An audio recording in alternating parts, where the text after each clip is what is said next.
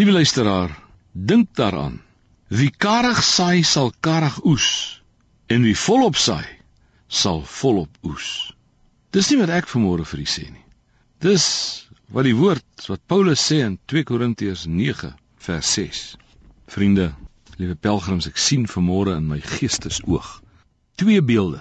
Ek sien 'n boer met 'n streepsak saad en ek sien 'n gewone mens soos een ek met 'n beursie vol geld. Dis die twee pole.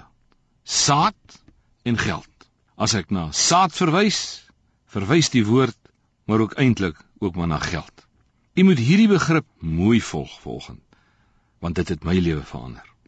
Dis van kardinale belang van hoeveel jy gee en wat jy terugontvang.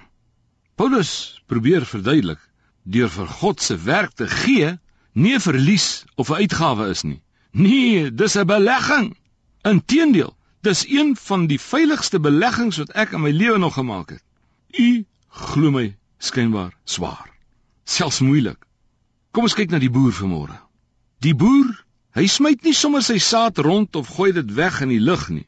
Nee, hy plant dit noukeurig selfs met 'n goed ontwerpte planter sodat hy 'n maksimum oes kan bekom. Wat sou gebeur as hy sy saad wil spaar?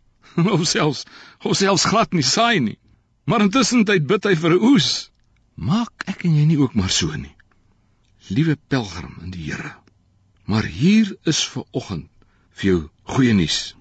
Wanneer jy jou geldjies ruim saai, daai oomblik raak die Here betrokke in jou finansies.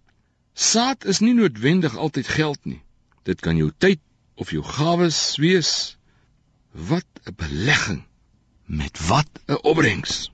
Hoe meer jy gee, hoe meer stel God jou in staat om meer terug te ontvang. Hoe meer saad die boer saai, hoe groter is sy oes. En so herhaal die proses homself. Vader, gee dat ek iets van myself vandag sal saai.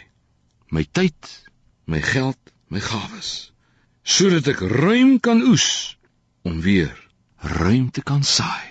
Amen.